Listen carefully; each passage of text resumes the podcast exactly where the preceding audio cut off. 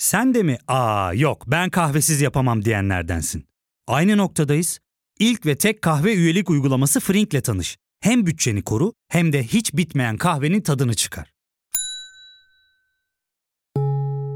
Yakınlarından terapinin onlara ne kadar iyi geldiğini dinlesen de kendin için bir şeylere başlamak zor geliyor olabilir. Ya da sevdiklerine yardım etmeye istekliyken kendi ihtiyaçlarını görebilmek. Hayvel, uzman psikologlarıyla kendi ihtiyaçlarını bulmanda sana destek olacak. Terapi yolculuğuna başlamak için detaylı bilgi bölümün açıklamalarında. Birlikte gülemediğimiz, birlikte eğlenemediğimiz, gözlerin içine baktığımızda bizi anladığını hissetmediğimiz, sürekli kusurlar aradığımız veya bizde kusurlar bulduğuna inandığımız, yanında kendimizi kendimiz gibi hissetmediğimiz ilişkiler olabiliyor. Bu ilişkiler bazen uzun da sürebiliyor. Ama bu uzun soluklu ilişkiler bize çok iyi hissettirmediği gibi çoğu zaman bizden çok şey de götürüyor. Sağlıklı ve bize iyi gelen uzun soluklu bir ilişki kurmak ise hayatımızda kendimize yapabileceğimiz en büyük iyiliklerden bir tanesi. Hele de dengeli, karşılıklı sevgi e, alışverişinin güzel olduğu, içinde kendimizi gerçekten çok iyi hissettiğimiz ve karşımızdaki insanı da böyle hissettirdiğimiz bir ilişki kurduysak bu ilişki ömrümüze ömür katıyor aslında. Sadece ömrümüzü uzatmakla kalmıyor, yaşadığımız yılları daha da kaliteli hale getiriyor. O yüzden Ben Nereden Bileyim serisinin bu sezonun son bölümünü bu konu üzerine çekmek istedim.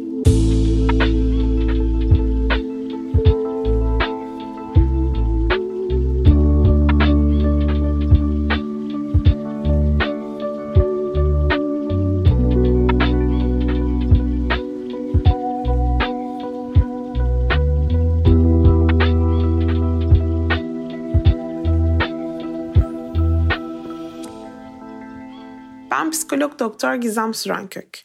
Bu bölümde birlikte uzun süreli bir ilişki sürdürmeyi ben nereden bileyim diyoruz ve konumuza başlıyoruz. Sizin için aslında çok uzun, çok güzel bir liste oluşturdum. Bugün bu podcast'te kaçta kaçına değinebilirim bu listenin bilemiyorum. Ama şunu çok iyi biliyorum ki sonraki sezonlarda da bu konuya mutlaka değinmemiz gerekiyor. Çünkü bu konu ilişki bilimi içerisinde gerçekten büyük bir önem taşıyor. Aslına baktığımızda ilişki sürdürme literatürü oldukça geniş ve içerisinde çok güzel stratejiler de var. Bunları hayatımıza adapte edebilmek için ise gerçekten bir çaba sarf etmemiz gerekiyor. Çünkü ilişkiler de aslında ciddi bir emek istiyor. Aslında bu bölüme hadi buradan başlayalım ve e, bir ilişkinin ne kadar emek isteyebileceğini ve çok kolay bir şekilde uzun süreli bir ilişki kurmanın gerçekten mümkün olmayacağına değinerek başlayalım. Biz hayal ettiğimiz ilişkilerde her şeyin çok kolay olduğu, zaten karşılıklı birbirimizi çok severek başladığımız, çok uyumlu olduğumuz, arkadaşlarımızın birbirleriyle ve bizimle çok kolay anlaştığı, ailelerimizle tanıştırmak istersek o sürecin çok kolay ve iyi işlediği, neredeyse benzer e, arka planlardan, backgroundlardan geldiğimiz, benzer zevklere sahip olduğumuz, hayata da aynı şekilde baktığımız insanlarla birlikte olacağımızı hayal ediyoruz. Ama bu tabii ki gerçeği yansıtmıyor. Bir insandan hoşlanmaya başladığımız zaman bir takım benzerlikler bizi ona çekiyor tabii ki. Ama bu benzerlikleri doğru seçebilmek de çok önemli. Çoğumuz ilk aşık olduğumuz dönemde karşımızdaki insanın aslında çok da önemli olmayacak birçok özelliğini kendimize benzer bulduğumuzda ayaklarımız yerden kesilebiliyor. Mesela aman Allah'ım aynı tür müziği dinliyormuşuz ya da aynı yerde büyümüşüz ya da aa hep aynı okullara gitmişiz. Şimdi bunlar çok güzel ama bunlar gerçekten uzun soluklu bir ilişki sürdürebilmeniz için, sağlıklı bir iletişim kurabilmeniz için gereken en önemli şeyler mi? Burası tartışılır. Benzerlik kısmına geldiğimizde aslında hayata karşı aynı değerlere sahip olabilmek, aynı ım, Özellikle aynı inançlara demek istemiyorum. Çünkü bu konuda farklılıklar gösterebiliyoruz. Ama farklı inançlara, farklı değer yargılarına sahipsek de bunları uzlaşarak, birbirimizi anlayarak, dinleyerek, farklılıklarımızı hoşgörüyle karşılayarak ve gerektiği noktalarda uzlaşarak yaklaşabiliyorsak aslında sağlıklı bir şekilde sürdürebiliyoruz ilişkiyi. Şimdi bu benzerlik konusunda e, şunları da söylemek lazım. Yani uzun soluklu bir ilişkinin dinamiklerine benzer şekilde yaklaşıyor muyuz? Mesela gelecekle ilgili e, hayattan beklentilerimiz aynı mı? Hayatımızı nasıl sürdürmeyi planlıyoruz? İlişkimizi nasıl sürdürmeyi planlıyoruz? Burada direkt bütün planların birbirinin tıpatıp aynısı olması gerekmiyor. Böyle bir yanılgı e, yaratmak istemem kimsenin zihninde. Ama planlarımız eğer birbirinden çok çok farklıysa ve herhangi bir uzlaşma noktası taşımıyorsa o zaman başladığımız ilişki gerçekten bizi e, incitecek şekilde ilerleyebiliyor. Çünkü kendimizden de çok şey vermek zorunda kalabiliyoruz. Belki de bazen hayallerimizden vazgeçmek zorunda kalabiliyoruz. Ve bir insan için hayallerimizden vazgeçmek gerçekten çok büyük bir karar. Bunu hiç yapmayın diyemem. Kimse demez zaten. Dememeli böyle bir şey. Çünkü bu çok kişisel bir karar. Ama aynı zamanda bu kararı verebilmek çok derin bir sorgu süreci içermeli diye düşünüyorum. O yüzden de hayata eğer benzer baktığımız, benzer planlar yaptığımız bir insanla birlikteysek ilişkiyi sürdürmek çok daha kolay ve akışkan oluyor aslında. Burada benzer backgroundlardan gelmek, benzer e, değerlere sahip aileler içerisinde yetiştirilmiş olmak ya da benzer çocukluk deneyimlerine sahip olmak bir avantaj olsa da bazen de aslında e, zor durumları daha derinleştirebilen bir yere de sahip olabiliyor. O yüzden ilişkilerde %100 benzerlik ilkesini tam olarak söylemektense önemli konularda benzerlik ama başka bazı konularda da birbirini tamamlayabileceği bir yerden gelebilmek de önemli diyoruz. Yani benim bazı eksik özelliklerimi karşımdaki insan tamamlayabiliyorsa veya ben karşımdakinin eksik özelliklerini doğru yerlerden tamamlayabiliyorsam ilişkinin uzun soluklu olabilmesi için bu asıl önem taşıyor. Tabii ki bütün bu süreçlerde uzlaşabilmek çok önemli. Daha önceki bölümlerde bahsettim bundan ama uzlaşmak dediğimiz şeyin tam orta noktada buluşmak olmadığını yinelemek isterim. Uzlaşmak demek bazen orta noktada, bazen yepyeni bir noktada, bazen birimizin dediğinde, bazen diğerimizin dediğinde buluşmak, bazen de hiç buluşamamak. Uzlaşmak ikimizin en azından ilişkiye bu tartışma, çatışma anını atlatarak devam etme isteğini içeriyor. Eğer biz e, ilişki içerisinde kendimizi korumak veya ilişki geliştirmek hedefleri içerisinde hep bir çatışmada kalıyorsak bu bizim için çok zorlayıcı. Yani eğer ilişkide verilen kararlarda ben sürekli şu duyguyu duyuyorsam ya tamam ben şimdi bu karara tamam dersem kendimden çok şey götürecek bu. Kendimden çok vazgeçmiş olacağım. Bu ilişkinin uzun soluklu olması gerçekten zor oluyor. Bu ilişki uzun soluklu olursa da geriye benden bir şey kalmayabiliyor veya partnerimden bir şey kalmayabiliyor. O yüzden de ilişkideki bu dediğim gibi kendini korumak, İngilizce'de self protection goals diye geçer. Bununla ilişkiyi iyileştirmek, bunu da relationship enhancement goals diyoruz. Bunların arasındaki uyumu sağlayabilmek gerçekten önemli. İkinci bir önemli faktör, ilişkilerle uzun soluklu ilişki kurmak için önemli bir faktör, duygularımız hakkında açık ve dürüst olabilmemiz. Bu sadece duygularla da kalmamalı. Düşüncelerimiz, yaşadıklarımız, deneyimlerimiz. Bunlarla ilgili açık ve dürüst olabilmek çok önemli olmakla birlikte bunları paylaşmak konusunda karşımızdaki insanın bizi zorlamaması da çok kritik. Yani eğer ben e, geçmiş deneyimlerimle ilgili karşımdaki insana bir şey anlatmak istemiyorsam, bunu hazır hissetmiyorsam veya bunları anlatmaya değer görmüyorsam bunlar da benim tercihim olarak durabilmeli. Diğer taraftan bu an, bugün yaşadığım duygular konusunda ne kadar açık olabilirsem, bugün yaşadığım, hissettiğim, e, zihnimdeki düşünceler konusunda ne kadar açık olabilirsem ilişki için o kadar iyi. Çünkü ben açık olduğum sürece karşımdaki akıl okum, okumak zorunda kalma gibi e, durumlar içerisine girmeyecek ve bir ilişki için akıl okumanın olabilecek en tehlikeli şeylerden biri olduğunu daha önce belirtmiştim. E, bu açıklık iletişimin yani açık ve dürüst iletişimin en önemli adımlarından bir tanesi.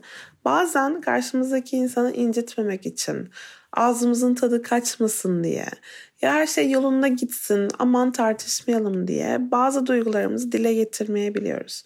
Burada şunu söylemiyorum yani eğer gün içerisinde yaşadığınız bazı durumlar sizin rahatlıkla tolere edebildiğiniz, sınırlarınız ihlal edilmeden tolere edebildiğiniz şeylerse her konuyu sürekli gündeme getirmek zorundasınız gibi bir şey değil söylemeye çalıştığım. Ama sizi rahatsız eden, zihninizde dönüp dolaşan bir düşünce varsa, bir duygu varsa bunu partnerinizle konuşmadığınızda, içinize tuttuğunuzda bu eninde sonunda kendine çıkacak bir delik buluyor. Ve bu genellikle daha büyük problemler yaratıyor. O yüzden de e, böyle aklınıza takılan şeyleri partnerinizle konuşmaktan kaçınmayın diyoruz mutlaka. Bir başka önemli kriter iyi bir ilişki için, iyi ve uzun soluklu bir ilişki için ilişkide bir kazanan ya da kaybeden olmadığını fark etmek.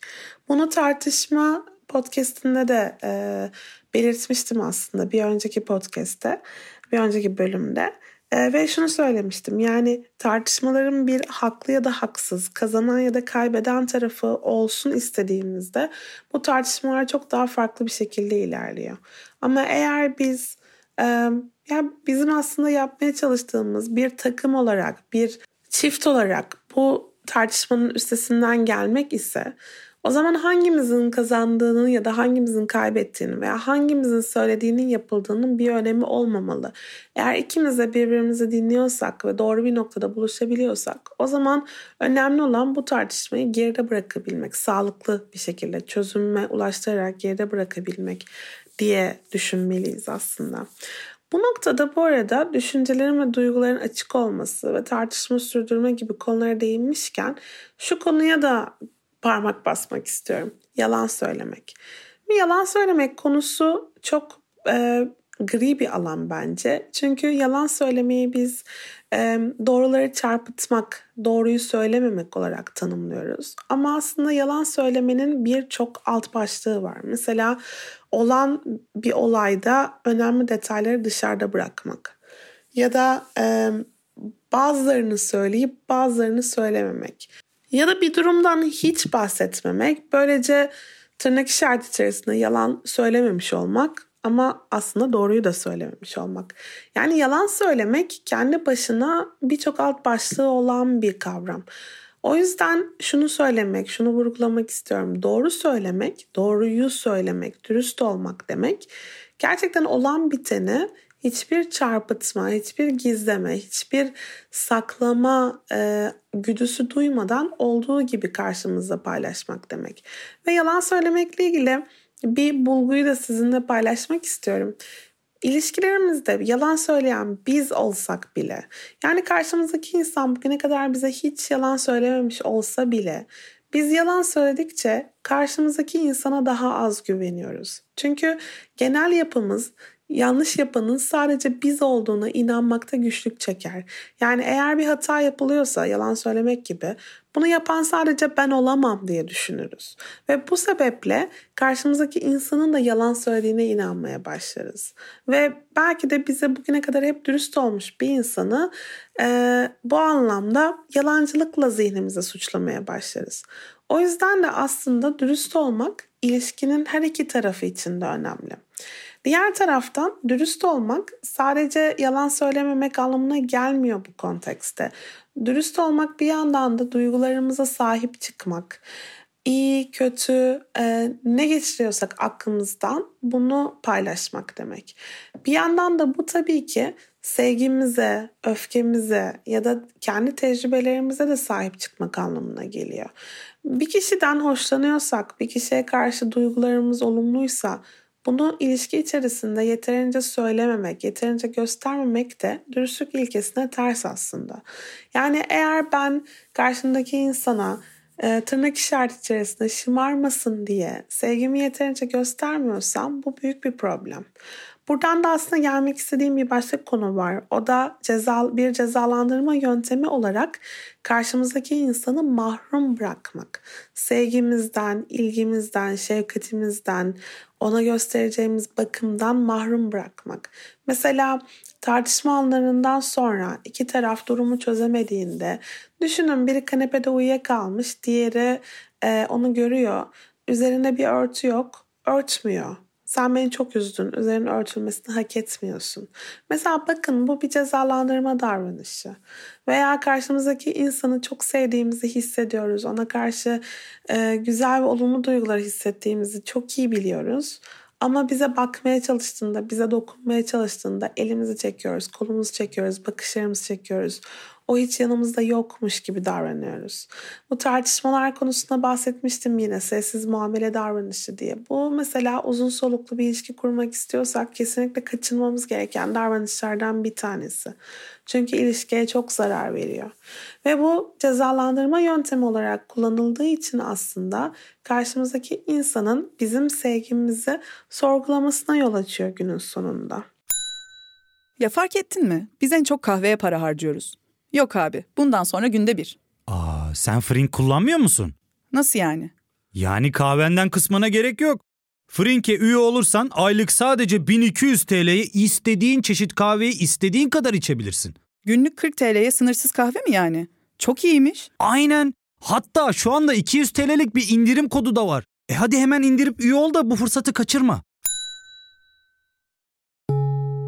Terapiye başlamak, içinden çıkamadığın döngüleri kırmak, bazı yanlış bulduğun kararlarını değiştirmek ve kendinle beraber daha huzurlu bir yaşam inşa etmek için atabileceğin en değerli adımlardan biri. Hayvel ile yoğun yaşam tempona uyum sağlayarak online terapi seanslarını takvimine göre ayarlayabilirsin. Bini aşkın uzmandan sana en uygun terapisti seçebilir, podb10 koduyla indirimden yararlanabilirsin. Detaylı bilgi açıklamalardaki bağlantıda. Bir taraftan da aslında e, bununla e, şu davranışı dengelemek lazım. Karşımızdaki insana ve kendimize alan tanıyabilmek. Yani zor durumlarda, stresli anlarda eğer biraz zamana ihtiyacınız varsa veya partnerinizin zamana ihtiyacı varsa, alana ihtiyacı varsa bu konuda e, kaygılı bir bekleyişten mümkün olduğu kadar uzak durarak tamam ben seni birazcık bırakıyorum. Sen bir dinlen, toparlan, kendine gel. Biraz sonra tekrar buluşalım diyebilmek. Ya da al sen bugünü. Bugün istediğin gibi arkadaşlarına gez, dolaş ya da kendi başına otur vakit geçir. Ne yapmak istiyorsun onu yap. Bu bir gün olmaz bir hafta olur. Bir hafta olmaz bir ay olur. Ee, çok zor olduğunu farkındayım bu arada. Dile kolay şu anda söylediğim. Ama bazen o alanları tanıyabilmek birbirimize gerçekten ilişkinin daha sonra daha iyi olmasını sağlıyor. Bu birbirimize tanıdığımız alanlar içerisinde birbirimize iletişimi keselim gibi bir şey söylemiyorum ki bunun çok doğru olmadığına da inanıyorum. Hani öyle ara vermek gibi bir şey değil söylemeye çalıştığım. Sadece bazen bazı dönemlerde iletişim sıklığımızı ikimizin de onayladığı bir şekilde biraz azaltıp birbirimize dinlenebilecek, yeniden aslında enerji toplayabilecek alanı sağlamak gerçekten iyi olabiliyor ilişki için. Bunun dışında aslında daha söyleyebileceğimiz çok şey var. Mesela bunlardan bir tanesi karşımızdaki insanın bizden farklı olduğunu hatırlamak. Uzun süreli ilişkilerde bazen ikimizi aynı insanmış gibi düşünebiliyoruz. Yani ben bir şeyden hoşlanıyorsam karşımdaki insanın da bundan hoşlanmasını, ben bir şeye üzülüyorsam onun da buna üzülmesini ama benim kadar üzülmesini, bir şeye mutlu oluyorsam onun da buna benim kadar mutlu olmasını bekliyorum. Ama bu her zaman aslında mümkün olan bir şey değil. Çünkü ikimiz birbirimizden farklı insanlarız. Farklı deneyimlere sahibiz ve farklı uyaranlar bize farklı tepkilere yol açabiliyor. O yüzden de karşımızdaki insanın bizimle birebir aynı tepkiyi vermemesi, onun bizi sevmediğini veya iyi bir ilişkimiz olmadığını göstermiyor. Sadece birbirimizden farklı olduğumuzu gösteriyor. O yüzden de birebir aynı şeyi düşünmeyi, hissetmeyi beklemek bazı durumlarda aslında sınır ihlaline bile girebiliyor. Sınırlar demişken ilişkinin içerisinde sınırlarımızı koruyabilmek de çok büyük önem taşıyor.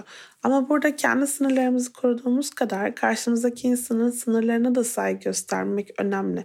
İşte bu aslında bizi az önce konuştuğum uzlaşma konusuna da götürüyor. Yani e, ben karşımdaki insanın düşüncelerini, duygularını değiştirmek, onu benim düşündüğüm, benim hissettiğim gibi e, düşünmek ve hissetmek yönünde yönlendirmek zorunda değilim. O kendi başına bir birey ve benden farklı düşüncelere ve duygulara sahip olabilir. Bu anlamda ona fırsat tanıdığımda aslında birey bir birey olarak var olmayı başarabiliyor ilişkisinde. Bu da aslında bizi şu noktaya getiriyor. Birlikte ama bir yandan da birey olarak, ayrı olarak da ilişkide var olabilmek. Hem ortak bir alanımızın olması hem de kendimize has bir alanımızın olması. Böylece e, ilişkinin bizim bütün kimliğimizi oluşturmaması ve ilişkiyi aslında böylece farklı kanallardan beslenme e, yöntemleri getirebilmek. Şunu kastediyorum. Eğer biz her şeyi her zaman ortak yapıyorsak, her zaman her şey hakkında aynı şeyleri düşünüyorsak, bütün ilgi alanlarımız aynıysa, yani biz neredeyse aynı kişiysek ilişkiyi besleyemiyoruz. Halbuki birbirimizden ayrı geçirdiğimiz zamanlar, ayrı şekilde yaptığımız hobiler, farklı iş yerlerinde edindiğimiz deneyimler, farklı arkadaşlarımızla görüştüğümüzde kendimize kattıklarımız. Bunlar aslında ilişkiyi besleyen dereler gibi düşünün. Yani bunlar bir denize akıyorlar ve farklı kanallardan besliyorlar burayı. Eğer biz bunları kısıtlarsak yani partnerimizin veya kendimizin bu keşif alanlarını kısıtlarsak ilişki bir süre sonra çok sıkıcı ve çok rutin bir hale geliyor. Pandemi zamanını düşünün. Birçoğumuzun çok kısıtlandığı ve çok da farklı yeni şeylerle kendini besleyemediği dönemlerde birçoğumuz ilişkilerimizde de kendimizi sıkılmış hissedebilmiştik. Ama ne zaman farklı sosyalliklerden besleniyor, besleniyorsak o zaman aslında ilişkimiz de besleniyor. Tabii ki burada bireylerin kendi başına beslenmeleri kadar ortak olarak bazı hobileri yapmaları, ortak olarak keşfetmeleri, e, ortak yeni alanlar geliştirebilmeleri de çok önemli. Özellikle burada seyahatler çok kritik diyoruz. Mesela hiç gidilmemiş bir yere gitmek veya sizin için çok özel olan bir yere tekrar tekrar gidip her gittiğinizde yeni bir şey keşfetmek. Birlikte daha önce hiç yapmadığınız heyecanlı bir aktiviteyi yapmak ya da daha önce yaptığınızda çok keyif aldığınız heyecanlı bir aktiviteyi yeniden yapmak. ortak hobiler geliştirmek, bu hobilerde ilerlemek, birlikte bir şeyler üretmek, birlikte bir işe başlamak bunların hepsi de çok kıymetli. Çünkü bunlar da ilişkiyi çok besliyor. Aslında ilişkilerde belki de heyecanı en yüksek tutan, o olumlu duyguları en yüksek tutan alanlardan bir tanesi ortak bir mücadele verebilmek. Yani ortaklıkta e, buluşup bir illa bir düşman olması gerekmiyor burada. Yani karşımızda biri veya bir durum olması gerekmiyor. Ama birlikte el ele bir yolda yürüdüğümüzü hissedebilmek çok kıymetli. Yani o yüzden de aslında uzun soluklu ilişkilere, uzun süreli ilişkilere biz yol arkadaşlığı diyoruz. Ve yolda yürürken karşımıza engebeler de çıkıyor, yokuşlar çıkıyor, hmm, inişler çıkıyor ve buralarda aslında birbirimizin elini ne kadar tutabiliyoruz, ne kadar birbirimizi tutup kaldırabiliyoruz, ne kadar birimiz e, enerjisini kaybettiğinde, motivasyonunu kaybettiğinde diğerimiz hadi kalk devam ediyoruz, birlikteyiz diyebiliyor. Ya da gerektiğinde ikimiz birden oturup dinlenmeyi başarabiliyor muyuz? Ya da ikimiz birbirimizi gaza getirip hadi gel demeyi başarabiliyor muyuz? Bunu birlikte halledebiliriz. Çünkü aslında hayat dediğimiz şey upuzun bir yolculuk ve bu yolculukta yanımızdaki yol arkadaşımızı seçmemiz ve yol arkadaşımızı da aslında yol boyunca olumlu bir şekilde besleyebilmemiz çok kıymetli. Buradan da şuna gelmek istiyorum. Aslında yol dediğimiz şey birlikte keyif aldığımızda güzel. Birlikte güldüğümüzde, eğlendiğimizde, şakalaştığımızda, birbirimize çocukça davrandığımızda, birlikte e, kendimize ait bir dilimiz olduğunda, kendimize has kelimelerimiz olduğunda güzel. O yüzden o içimizdeki çocuğu kaybetmemek, birbirimizle sıkıcı, çok sakin, fazla olgun, fazla uzak bir dil geliştirmemek. Tam tersi birbirimize belki tartışma anlarında bile e, birlikte kullandığımız ve ikimizin de çok güldüğü bir kelime geliştirmek veya e, ortak şakalar, izlediğimiz dizilerden, filmlerden getirdiğimiz şeyler geliştirmek çok kıymetli oluyor. E, zaten birçok araştırma da bunu gösteriyor. Birlikte mizahı paylaşabilen, beraber çocuksulaşabilen, birlikte tırnak işareti içerisinde oyun oynayabilen çiftler aslında çok mutlu oluyorlar ve çok daha uzun süre sürdürebiliyorlar ilişkilerini. Burada aslında partnerimize dair olumlu duygularımızı güçlü tutabilmek önemli. Yani şunu söylüyoruz, partnerimizi gerçekçi bir şekilde idealize edebilmek önemli. Çünkü birbirimizde hata bulabilmek çok kolay. Yani Mesela şimdi bu podcast'ı dinlerken eminim isteseniz benim yanlış söylediğim bir sürü kelime bulabilirsiniz, duraksadığım yerleri fark edebilirsiniz ama bir yandan da çok bir akış içerisinde dinlemiş olabilirsiniz ve aa ne kadar yani güzel bir şekilde anlattı diyebilirsiniz. Bunların hepsi bir seçenek. Eğer ilişki içerisinde biz birbirimize hata bulmak istersek çok o kadar kolay ki gözümüzü açtığımız andan yatana kadar birbirimize hata bulmak çok kolay. Diğer taraftan birbirimizi takdir edebilmek, birbirimizin hayat içerisinde verdiği mücadeleyi takdir edebilmek, birbirimizin ilişkiye kattığı şeyleri takdir edebilmek veya birbirimizin bir birey olarak hayatta başarabildiklerini takdir edebilmek çok önemli bir hale geliyor. Burada bu aslında birbirimizi idealize edebilmek. Beni o çok iyi anlar. O çok çalışkandır. O her şeyi kafasına koyduğunda başarır. O çok zekidir, sorunlara çözüm geliştirir. Bunlar böyle çok küçük örnekler ama bunları eğer ilişkinize adapte edebilirseniz gerçekten aslında çok keyifli, çok mutlu bir ilişki yaratabilmeniz mümkün. Aslında bu konuda daha söyleyebileceğim çok şey var. Ama toparlamak için çok hızlıca bir özet geçeyim. Birbirimizi yüceltmeyi, takdir etmeyi unutmayalım birbirimize anlaşılmış hissettirmeyi, birbirimizi görebildiğimizi hissettirmeyi unutmayalım. Birlikte mücadele vermeyi, yol arkadaşlığı içerisinde birbirimizin elinden tutmayı unutmayalım. İlişki içerisinde hem kendimiz gibi olabilmeyi hem de bir yandan birlikte var olabilmeyi unutmayalım. Gerektiğinde birbirimize alan tanımayı ama gerektiğinde birlikte hareket etmeyi unutmayalım birbirimize karşı dürüst olmayı, duygularımız konusunda açık olmayı, sevgimizi, ilgimizi çekmeyi bir cezalandırma yöntemi olarak kullanmamayı unutmayalım. Yalan söylememeyi, gerektiğinde uzlaşabilmeyi, tartışmalarda bir kazanan veya kaybeden olması gerekmediğini unutmayalım.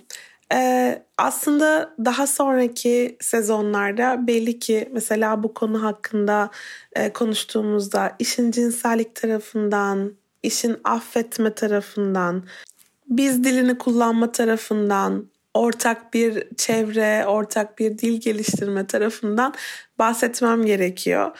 Ama şimdilik bu şey olsun, bir sonraki sezonun trailerı olsun diyelim. Ee, ve heyecanla beklemeniz için de bir sebep yaratmış olayım ben de. Benimle 10 bölümdür bu e, Ben Nereden Bileyim serisine eşlik ettiğiniz için çok teşekkür ederim. Benim için çok keyifli oldu. Sizlerle sosyal medyada iletişimde olmak, gelen mesajlar, yorumlarınız hepsi çok keyifliydi. E, onlardan sonraki sezonlar için konular biriktirdiğimi de hatırlatayım size. Bana her zaman yazabilirsiniz. Güzel sözleriniz, yorumlarınız da her zaman inanılmaz motive ediyor beni. Ve daha fazlasını yapmak için hep çok güç veriyor bana. Çok teşekkür ederim. Bir sonraki sezonu merak etmeyin. Çok bekletmeye niyetim yok. Muhtemelen bir ay sonra tekrar başlarız diye tahmin ediyorum. Hepinize sevgilerimi gönderiyorum ve çok sağlıklı, çok güzel ilişkiler kurabilmenizi, hem başkalarıyla hem kendinizle daha barışık, daha iyi hissedebilmenizi umuyorum. Hepinize sevgiler, hoşçakalın.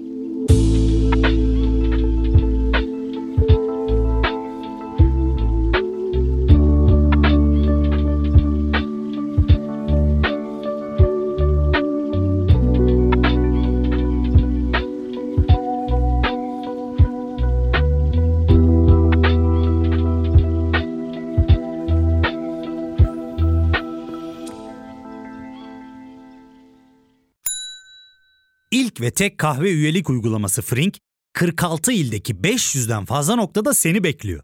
Açıklamadaki kodu girerek sana özel 200 TL'lik indirimden faydalanmayı unutma.